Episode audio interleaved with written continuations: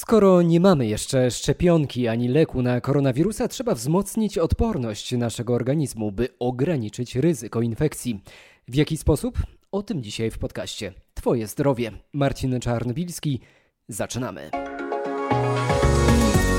Poza unikaniem stresu, aktywnością fizyczną, co akurat no, nie jest proste w czasie izolacji, warto postawić na odpowiednią dietę, która wpływa na system immunologiczny. A to właśnie od odporności zależy to, jak szybko nasz organizm upora się z koronawirusem w razie zakażenia.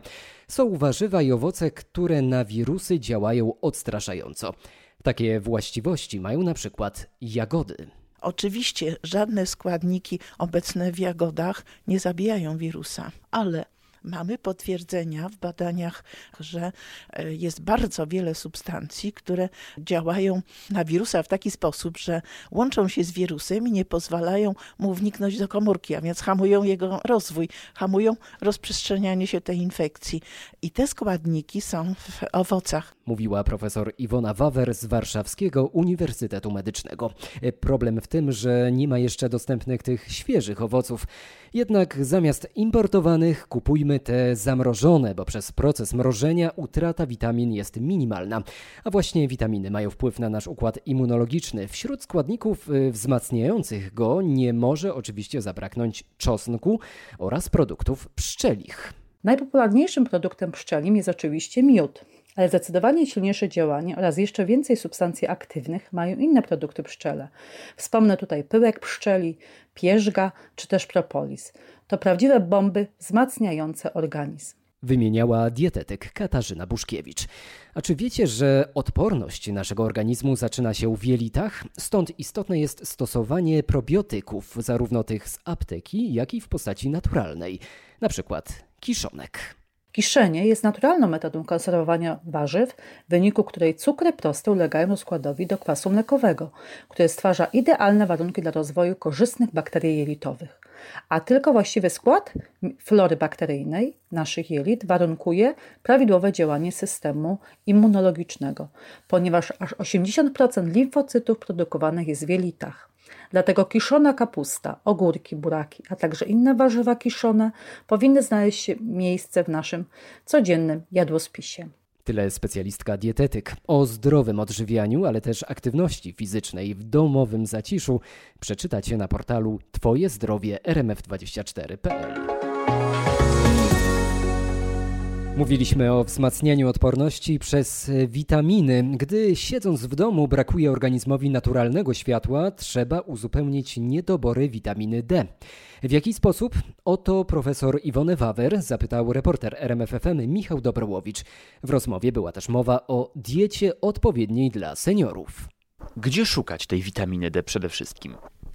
Witaminy D to oczywiście y, należy kupić w aptece. To jest najlepiej. Suplementy diety, tak, po prostu suplementy diety. Y, y, I lekarze polecają przynajmniej 500 do 1000 mg witaminy C i 2000 jednostek witaminy D. No, to są oczywiście do kupienia w aptece. Apteki są otwarte, można z tego skorzystać. Dużo mówi się o tym, że w grupie największego ryzyka zakażenia koronawirusem są seniorzy. Jak powinna ich dieta teraz wyglądać? Trudno powiedzieć. Ja bym nie, nie, mówiła, że akurat e, seniorzy są e, specjalnie. Oni siedzą w domu, mają mniejsze szanse. Właściwie ci młodzi ludzie, którzy są aktywni, e, szybciej tego wirusa złapią. Natomiast niewątpliwie starsze osoby mają słabszy system odporności i u nich zakażenie może mieć fatalne konsekwencje. I dlatego te wszystkie rzeczy, o których mówiłam, są bardzo ważne w diecie seniora, czyli właśnie seniorzy powinni stosować suplementację witam, witaminami, dbać o witaminę C, witaminę D. E, właśnie taka dieta bogata w owoce dla nich byłaby fantastyczna. Zresztą oni bardzo chętnie jedzą i wspominają e, na przykład, że stosowali e, sok z czarnego psu albo, albo sok z malin, prawda? Mhm. Dla nich to są bardzo popularne. A, jeszcze chciałam zwrócić uwagę, że nasza odporność zaczyna się w jelitach, a więc bardzo ważne są probiotyki. E, w tej chwili należy skorzystać e, z kefiru, jogurtu, albo wręcz kupić w aptece probiotyk. Czy ilość produktów, ilość tego jedzenia powinna się zmienić w obecnej sytuacji? To jest rzeczywiście niebezpieczeństwo, dlatego że jemy z nudów, siedzimy w domu i zastanawiamy się, co by tutaj jeszcze zrobić, prawda?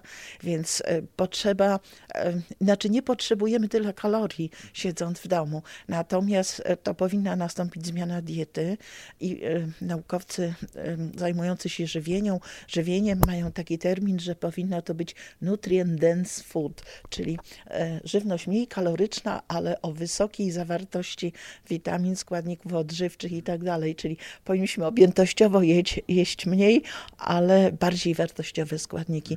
Dlatego tutaj chciałam podkreślić, że ważne są te ciemne jagody, bo w maleńkiej jagodzie mhm. jest bardzo dużo tych e, bezcennych składników odżywczych, tych antyoksydantów. My teraz często robimy zakupy dla naszych dziadków, sąsiadów. Co powinno się znaleźć w takich zakupach spożywczych? Oczywiście jak najwięcej owoców i warzyw. E, proszę e, kupić im takie rzeczy jak czosnek, cebula, e, liściaste warzywa. Czasem można dostać takie świetne miks sałat na przykład, żeby było coś świeżego i coś zielonego.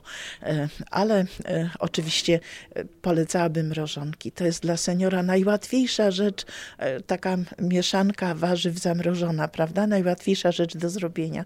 Natomiast jeśli chodzi o owoce, e, to gorąco polecam e, sok na przykład z czarnego bzu, sok z aronii, sok z czarnej porzeczki. E, łatwe do wypicia i bardzo dla seniora zdrowe. Tyle profesor Iwona Wawer z Warszawskiego Uniwersytetu Medycznego.